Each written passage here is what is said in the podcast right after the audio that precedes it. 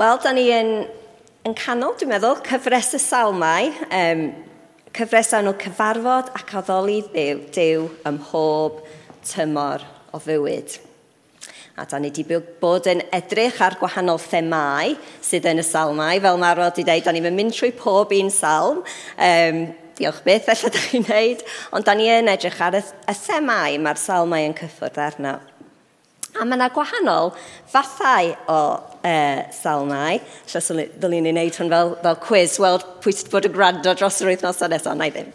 Um, mae yna salmau o galar, salmau o fawl, salmau o ddiolchgarwch, salmau brenhinol a chyfamodol, salmau o ymddiriadaeth a salmau doethineb. A os da ni heb edrych ar un o hyn eto, fydden nhw'n dod dros yr wythnosau nesaf. Ond heddiw, da ni edrych ar y themau o galar, lament yn y Saesneg. A mae'n themau addas iawn i ni fel teulu capel dydy. Wrth gwrs, mae uh, Hannah di sôn am, am Ruth a, a be mae hi a'r teulu mynd trwy Ond mae yna hefyd sefyllfeidd anodd arall mae teuluoedd yr eglwys yn mynd trwy pethau anodd iawn, heriol iawn. Mae dioddefaint yn peth real. Mae'n addas i ni edrych ar hyn rwan. A mae'n hefyd yn addas wrth i ni edrych ar yn byd o'n gwmpas ni. Gymaint o drais angyfiawnder, camdriniaeth, dioddefaint. A mae y sefyllfa agos ma a y sefyllfa fi deang di bod yn drwm ar fy nghalon, ar fy nghalon er, um, wrth i fi baratoi hwn. So, da ni am edrych i gyntaf ar beth ydy lament, beth ydy galar yn y Beibl. Um, a wedyn da ni am edrych ar salm penodol, salm 13, sydd yn salm o galar. Gyntaf, be, beth ydy lament? Be da ni'n ni sôn am pan da ni'n sôn am uh, galar dwi'n defnyddio fel y Cymraeg, gair Cymraeg am, um, am, am lament?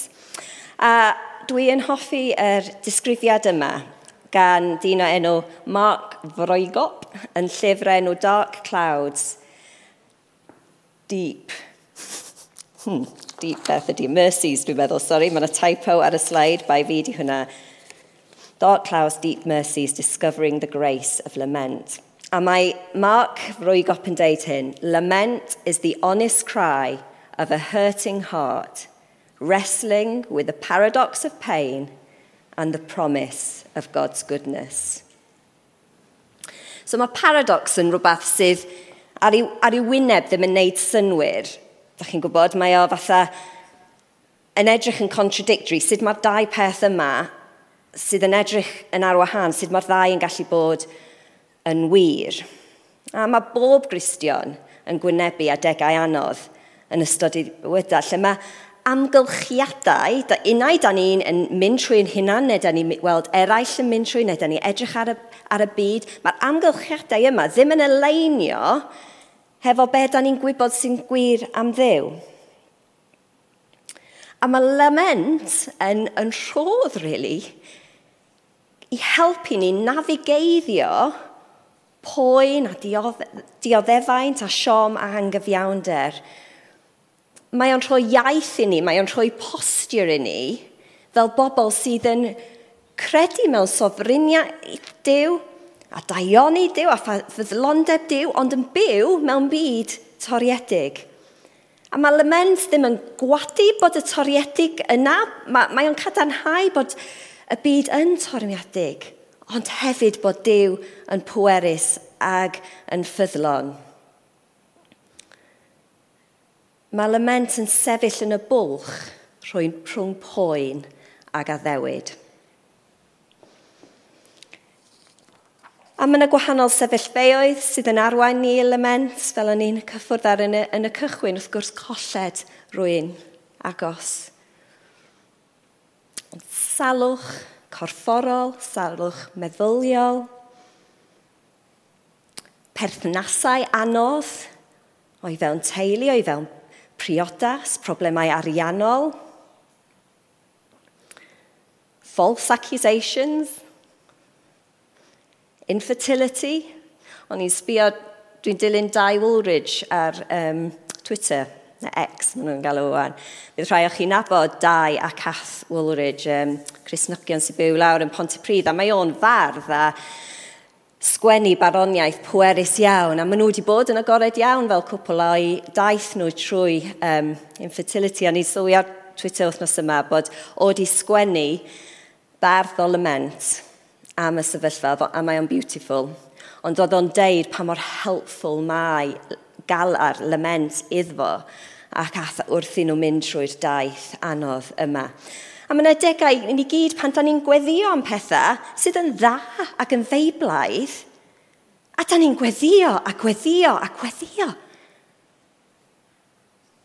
Ond weithiau mae'n teimlo fel mae Dyw ddim yn clywed, neu os mae o'n clywed, diwm yn neud yn byd am y peth. Da ni ddim yn gweld y breakthroughs yn syth a hefyd yn edrych ar yn byd ni wrth gwrs. O, oh, Ukraine, Gaza, llefydd eraill. Y creadigaeth, y ffordd mae creadigaeth anhygol y Dyw yn cael ei dinistro. Yr anghyfiawnder o'r cwmnïau mawr yma yn gwneud elw enfawr.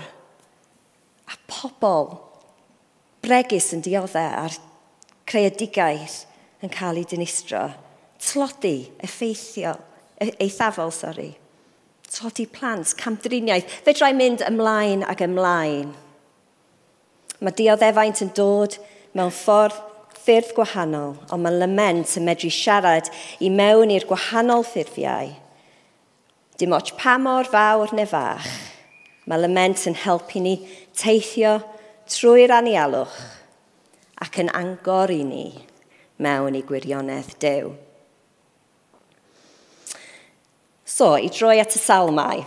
Wel, allan o'r uh, testunau na i gyd, y galar, salmau o galar, ydy'r rhai mwyaf cyffredin. Mae mwy na um, treian o'r salmau yn salmau o galar. A mae rhai a hein yn salmau unigol, lle mae yr awdur, fel arfer Brenin Dafydd, ond dim bob tro, yn dod â pwynau unigol i Dyw, ond mae rhai yn nhw'n salmau o galar cymunedol, lle mae cymuned neu um, uh, nation, uh, nation, cenedl yn dod â um, i pwynau a'i galar i Dyw. A dim just yn y salmau, mae, mae galar lament trwy'r Beibl. Mae yna llyfr gyfan y galarnaid, Lamentations, sydd yn just yn tywall allan y poen i diw, y matab diw, i, i, i um, y matab y bobl, i alltud pobl, um, pobl diw. Dyna oedd y matab nhw. So be mae hwn yn golygu bod oedd yn gymaint yn y, Beibl, yn y Beibl? Mae o'n golygu bod na lle iddo fo yn bywydau ni. Mae o'n peth iawn, mae o'n peth da, mae o'n peth Beiblaidd. Ond faint ydyn ni'n gweld o? Faint, a faint ydyn ni'n profi fo yn hunan? Pwy sy'n cofio Top of the Pops? Ie, yeah, pob nos fawr. Nos iau oedd o de, yn uh, gwylio Top of the Pops. Nath o, nes i wneud Google bach, nath o gorffan yn 2006, sydd yn uh, Sean Mawr, ie, yeah, ond dyna ni.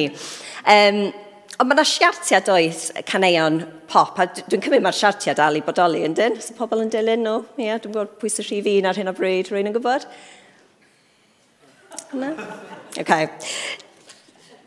Dim, dim mor addas na hynny i uh, diwylliant heddiw. Ond, well, who knew? Ond mae yna fersiwn Cresnogol. Oes, o top of the pops neu'r neu siartiau'r Cresnogol. NLVD, the Christian Copyright Licensing International's list of most used hymns and worship songs. Yes, it exists. Who knew? You know now. Wel, mae, na cyfadda, dwi ddim di sbio ar y rhestr yma. Ond, mae rwy'n ath sgwennu llyfrau o Celtic Prayer, Court of Pin Love, wedi sbio ar y top 150 o caneuon yn y siartiau Cresnogol a gweld dim ond un allan ohonyn nhw sydd yn gan o lament, gan, gan o galar. Dros treian o'r salmau oedd yn llyfr emynau, llyfr cyneuon ffydd y pobl dew, hyn it's time, dros treian, dim ond un yn yr um, siartiau Cresnogol. Mae'n diddorol, oedd, o'n i'n sôn wrth hwnna, e, wrth Madsen ddoe, oedd o'n deud tra oedd o'n paratoi, mae o weithiau'n defnyddio. Eto, who knew, ond mae'r CCLI yma gyda wefan lle ti'n gallu um, sbio neu search am cyneuon o gwahanol themau. Mae yna tua, dwi'n gwybod, 50 gwahanol themau ti'n gallu sbio ar. Os ti eisiau can ar adoration, mae yna 8,659. Can am maddeiant, mae yna 3,000. Ond oedd na ddim hyd yn oed categori lament na galar. O'n i fatha, na, surely it's there. O'n i'n trio gwahanol geiriau. Tristwch, siom, na. Ond na dim byd, a nes i sbio trwy iddyn nhw. So mae'n diddorol dydy, a dwi'n meddwl, wrth edrych i fewn i hyn dros yr wythnos dwytha, wythnosau dwytha wrth i fi paratoi, mae pobl yn teimlo, a dwi'n meddwl bod hyn yn wir, bod galar ella rhywbeth da ni wedi colli o'i fewn yr eglwys um, modern, um, dros y blynyddoedd. Um, a os da ni ddim yn embreisio lament fel rhywbeth beiblaidd, ella da ni'n mwy... Um, da ni'n colli rhywbeth, da ni'n methu rhywbeth yn, yn, yn, yn daith ni gyda Dyw. So dyna ni fel sort of introduction. Gadi ni troi wwan at salm penodol, um, salm 13. A dwi am um, darllen hyn. So gweddi am help. Am fwy, faint mwy arglwydd, wyt ti mynd i diastyru i am byth? Am faint mwy rwy ti mynd i droi cefn arna i? Am faint mwy mae rhaid i mi boeni fenaid a dal i dioddef fel yma bob ddydd? Am faint mwy mae'r gelyn i gael y llaw uchaf? Edrycha arna i, ateb fi o arglwydd fy new, adfywia fi, rhag i mi suddo i gwsg marwolaeth, rhag i'r gelyn ddweud, dwi wedi ennill, ac i'r rhai, ac i'r rhai sydd yn fy nghysau ddathlu wrth i mi syrthio. Ond na, dwi'n trystio dy fod ti'n ffyddlon. Bydda i'n gorfoleddu am dy fod wedi fachubu, byddai'n canu mawl i ti arglwydd am achub fy ngham. So, Brenin Dafydd nath sgwennu'r salm yma, maen nhw'n meddwl. A mae'r salm yn arwain ni ar daith o ryw pedwar rhan, ryw pedwar fatha darn o'r daith mae'r salm yn arwain ni ar. A i fod yn ond, mae bron iawn pob salm o gafar yn dilyn yr un un fath o patrwm mwy na lai. So'r peth gyntaf, cam gyntaf e, mewn ffordd, ydy bod Dafydd fama yn cwyno i ddew. Am faint mwy arglwydd. Mae'r salm yn cychwyn gyda deud, dwi'n dod â'r cwynion mae i ti arglwydd. A mae hyn yn nodwedd o gyd o'r salmau o galar. Mae lament ddim jyst yn cwyno, ddim jyst fel fi mynd am banad efo ffrind a jyst cwyno am sefyllfa'r byd. Ydy hwnna ddim yn lament. Mae lament yn fwriadol dod o flaen Dyw mewn gweddi. O am faint mwy arglwydd. Ac oherwydd hyn, mae galaru fel hyn yn gweithred o ffydd. Mae'n hawdd meddwl bod lament yn rhyw fath o... Mae'n dangos diffyg ffydd. Ond na, mae'n dangos ffydd gryf. Oherwydd mae Dafyn y troi at Dyw a deud, ti dy'r unig un sydd actually gallu gwneud rhywbeth fel yma. So pan da ni'n galaru, da ni'n cydnabod bod Dyw yn popeth. Mae'n cymryd ffydd i galaru, i, i lamentio. A mae lament yn cynnwys cwyno. Nawr eto dwi'n clywed, o, ydy cwyno'n iawn? Ydyn ni'n cael cwyno i ddew? Dylia ni ddim bod yn ddiolchgar a fodlon trwy'r amser. Ydy o'n dangos, ydy ni'n bod yn amharchus? Wel na, os da ni'n darllen y salmau a lot o'r Beibl, mae yna lot o gwyno, lot fawr, datganiadau o tristwch a dryswch, rhwystredigaeth, ofyn. Mae'r salmau yn llawn cwynion. cwynion. A mae Dyw eisiau ni bod yn onest gyda fo. Mae o eisiau ni dod a'n cwynion iddo fo. Da ni mor aml yn gwachad beth da ni'n deud, dydan. Da ni'n weithiau, mae yna mewn sefyllfa i lle, da ni angen wneud hwn, da ni rhoi rhyw fath o ffrynt ymlaen, rhyw fath o masg. Da ni'n mynd gadael i emosiynau gwir ni dangos. Ond mae Dyw eisiau ni dod, tynnu'r masg, tynnu bod, a jyst bod yn real gyda fo. Pan mae yna pethau da ni'n teimlo sydd ddim yn deg, pan mae yna pethau da ni'n teimlo sydd ddim yn iawn, mae Dyw eisiau ni agosau at fo a tywall yn calonau ni iddo fo. A da ni'n cwyno ar sail ein ffydd yn pwy ma Dyw a be mae o'n medru gwneud. Am faint mwy arglwydd. Mae am faint mwy yn dod pedwar gwaith mewn dau adnod. Mae'n awgrymu amser hir o ddioddefaint i Dafydd. Ti'n gallu teimlo yn y geiriau dwys y poen a galar. Mae, Dyw, mae Dafydd yn tywall allan am faint mwy. Mae yna poeniau dofyn, tu fewn iddo fo, a tu allan, mae yna gelynion. A mae'n galw allan ar ddew, am faint mwy rwy ti am droi cefn arna i. Adnod i, Nawr yn y Hebreeg, mae'n sôn am wyneb diw. Mae Beibl.net i cyfieithu fo fel troi cefn.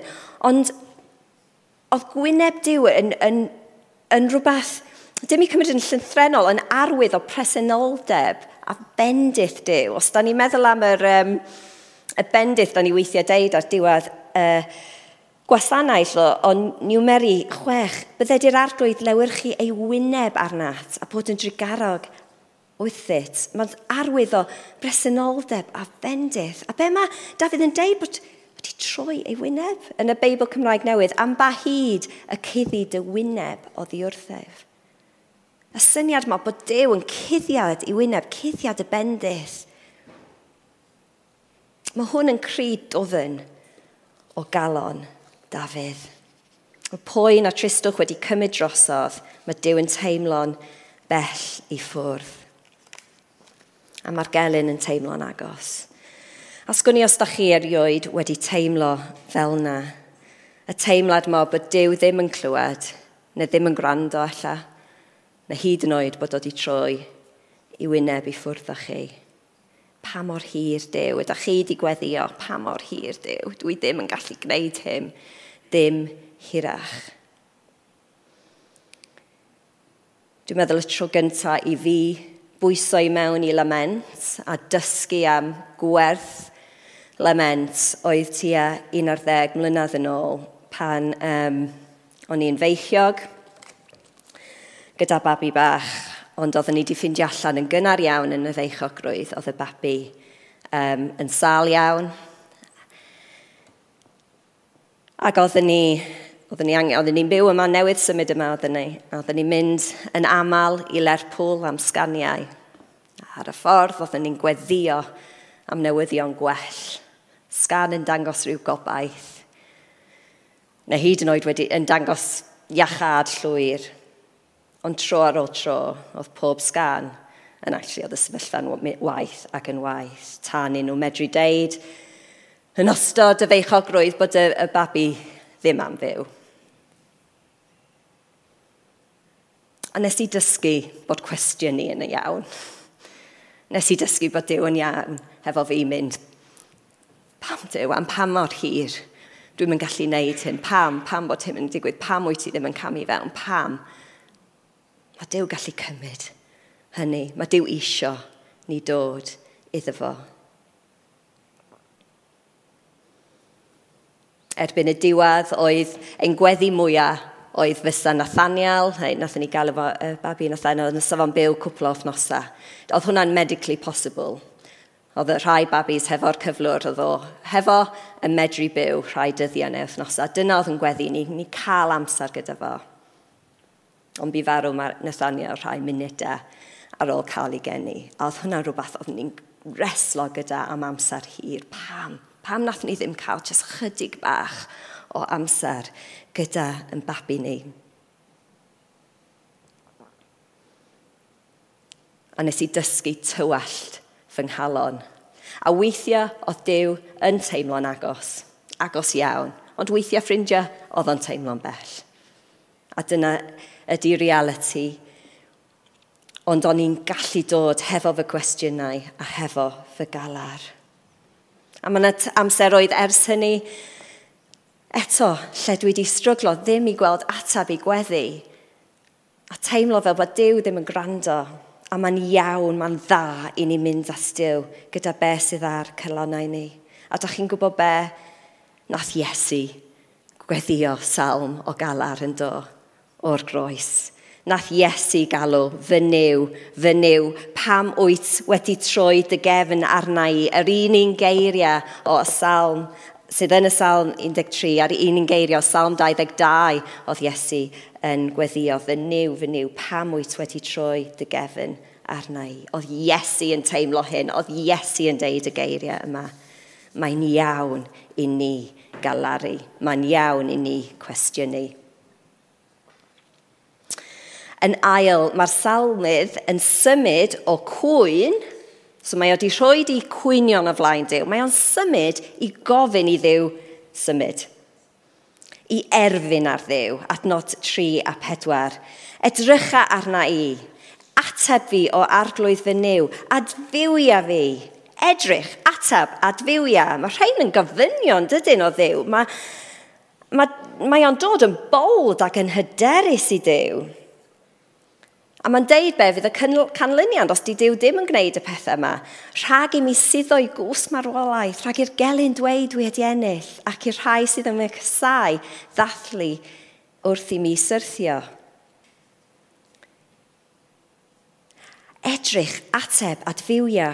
Mae'n diddorol gweld y perthynas mae um, gyda Dyw, mae Dafydd yn honni fa yma, because mae, mae o'n dod at Dyw fel rwy'n sydd wedi creu a sydd, sydd yn gofalu amdano fo. A felly mae gynnu fo'r hawl i ofyn y pethau yma o Dyw. Mae o'n gofyn yn hyderus.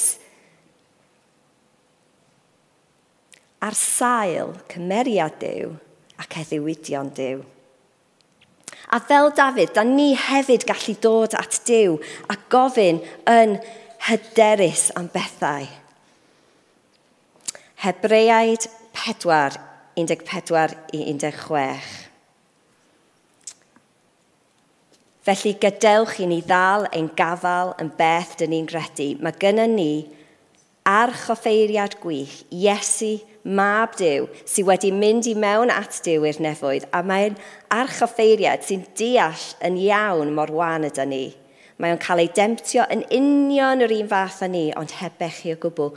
Felly Dewch i, gadewch i ni glosio at orsedd Dyw yn hyderus. Mae Dyw mor hael, bydd yn trigarhau wrthon ni ac yn rhoi popeth sydd ein angen i ni pan mae angen help arno ni. Mae'r Beibl yn deud a ni'n gallu glosio at orsedd Dyw yn hyderus. Ond beth di sail y hyder yma? wel bod gyda ni arch o ffeiriad, sef Iesu, rwy'n sydd yn um, wedi gwneud y gwaith ar yn rhan ni. A'r pwynt ydy bod Iesu yn deall. Mae o'n deall beth o'n i'n mynd trwy. Mae Isaiah 53, adnod 3 yn deud, roedd Iesu yn ddyn, wnaeth ddioddef, oedd yn siarad proffwydo am Iesu o'r Hen Testament, yn yn deud, sa Iesu yn ddyn, wnaeth dioddef yn gyfarwydd a phoen. A dyn ni'n gweld hwn yr, yr efengylau o Iesu yn rwy'n oedd yn gyfarwydd a ffoen, a pob ffoen. Mae Iesu yn gweld be da ni'n mynd trwy a mae o'n deall. Mae o'n deall a mae o'n caru ni.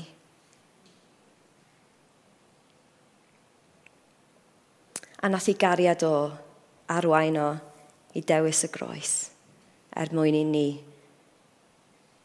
dod i fewn i perthynas gyda ta, y tad a cael rhyddhad.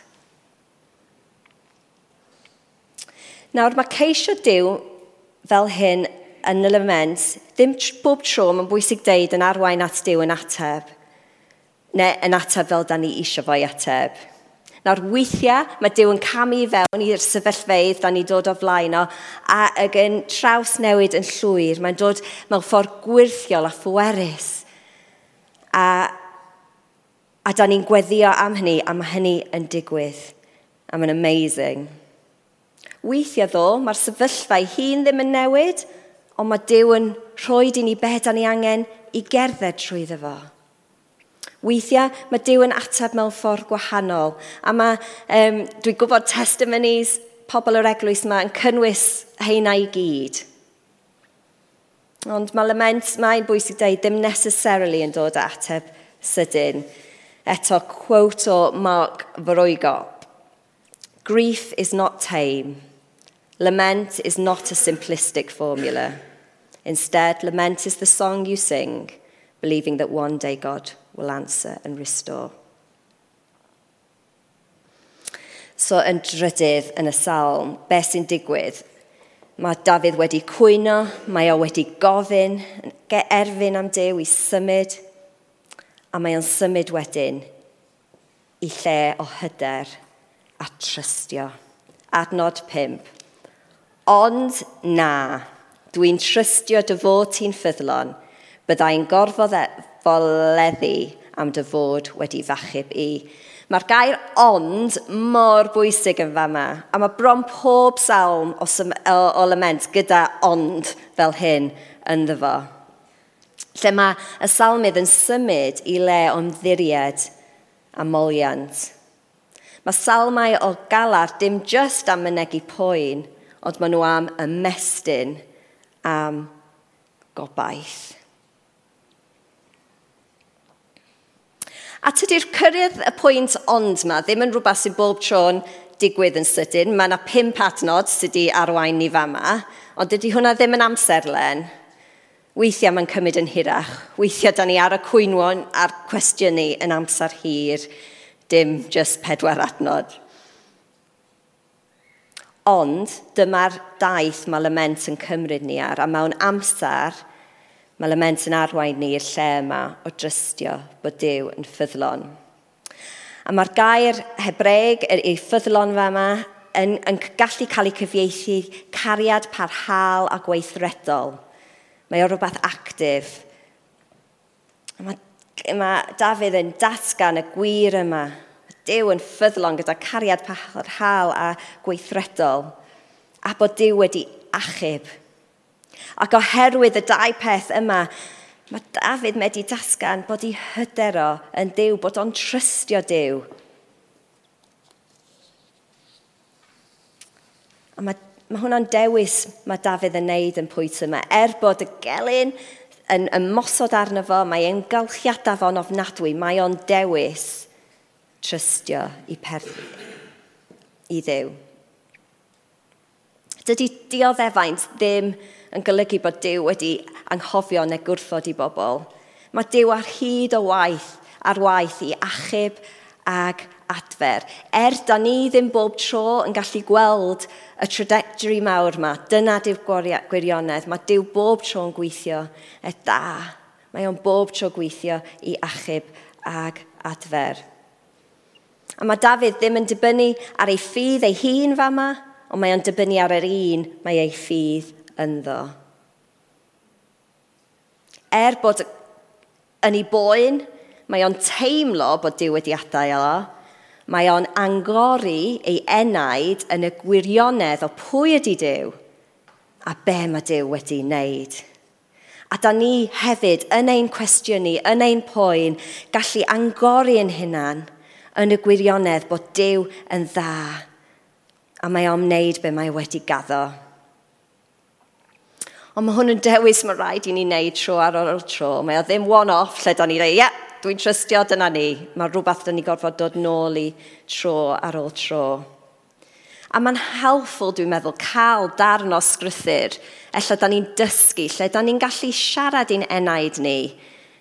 A pan mae pethau yn, pan mae'r poen yn dod yn gormodol, da ni'n gallu sefyll ar y gwirioneddau yma.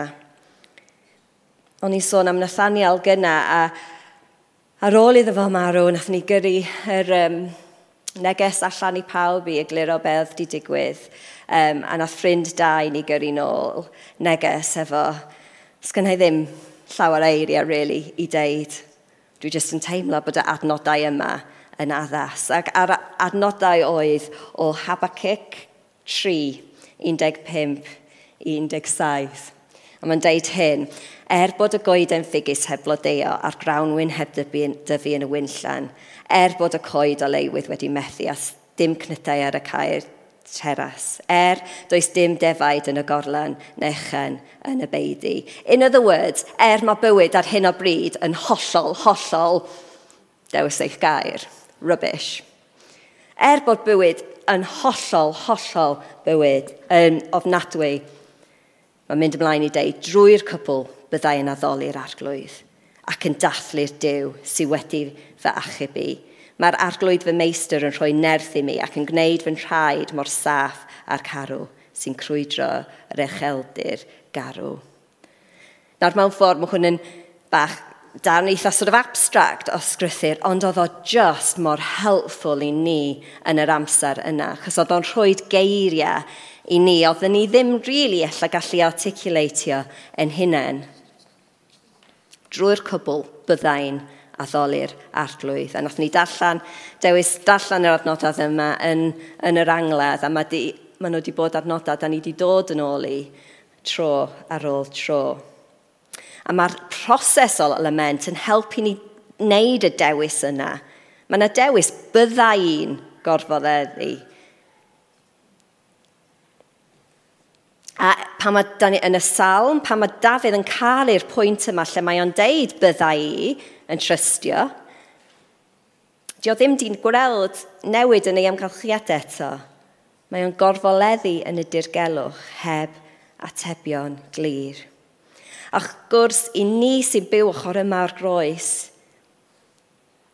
da ni'n gwybod bod y cri o lament mwyaf mae'r byd mae wedi gweld – sef fy niw, fy niw, pam wyt wedi troi fy gefn arna i, y cri yna o'r groes, wedi arwain at y foment mwyaf o brynedigaeth, o redemption. Ar y groes nath Iesu profi pwynt i hwnt o bellffordd unrhyw beth da ni yn profi. Cym, dewis cymryd pechod y byd arno fo ei hun er mwyn i ni cael perthynas gyda Dyw. Ac os ar sail hynny, da ni medru deud bod Dyw yn dda a da ni medru trystio fo. Mae Closiaid 1, 13 i 14 yn deud, mae o wedi'n achub ni o'r tywyllwch oedd yn ein gors, gor, gormesu ni, ac wedi dod â ni dan deyrnasiad y mab mae e'n garu, ei fab sydd wedi gollwng ni'n rhydd, mae wedi maddau'n pechoda ni. Dyna nath y groes a'r atgyfodiad prynu ni.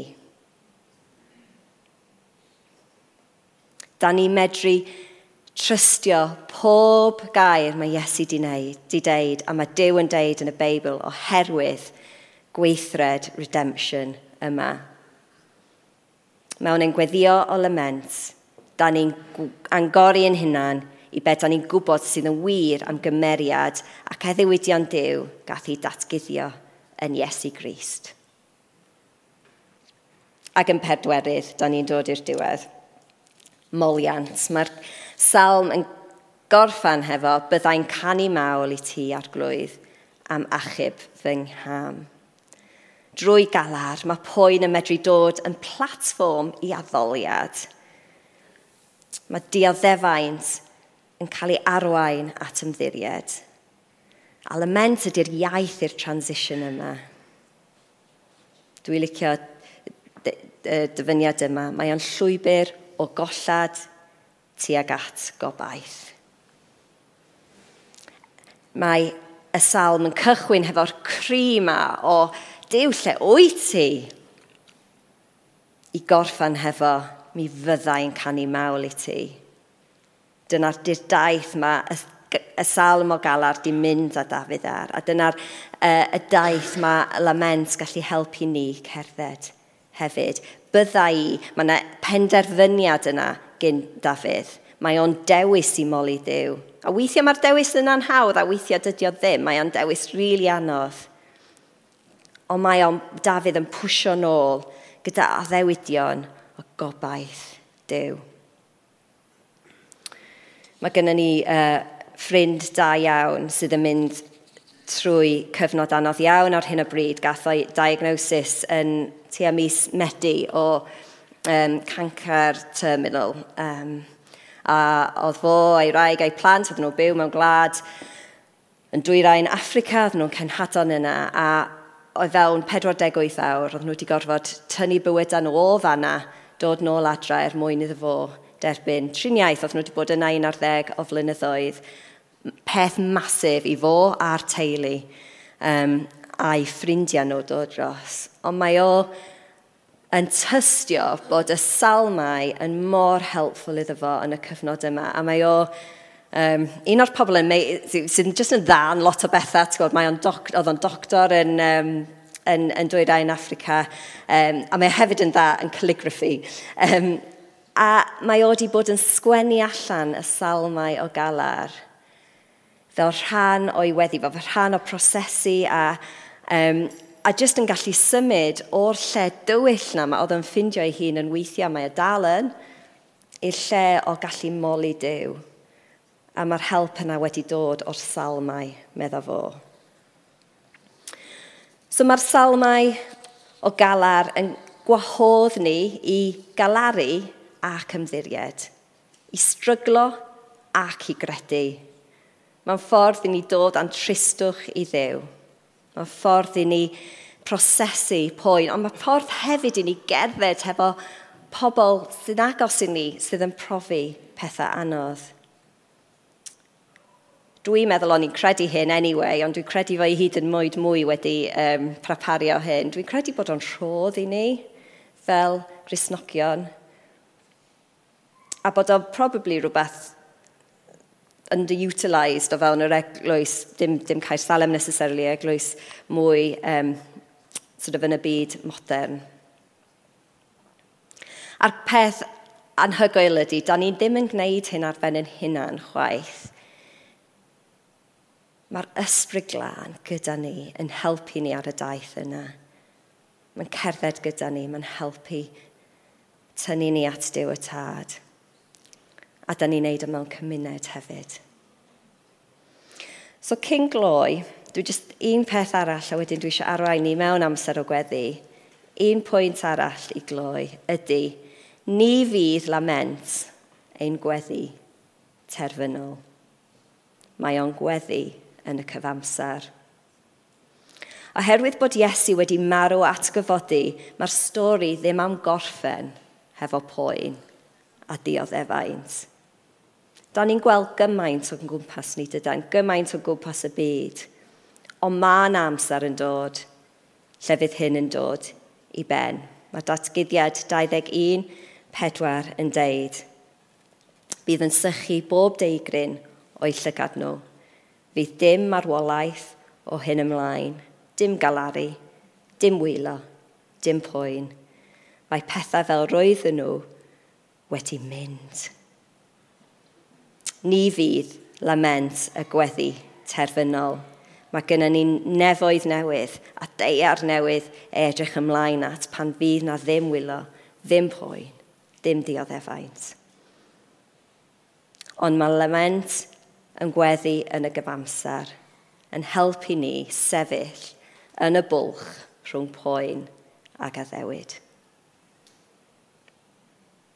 Amen. So be oedden ni'n meddwl sy'n ni'n neud um,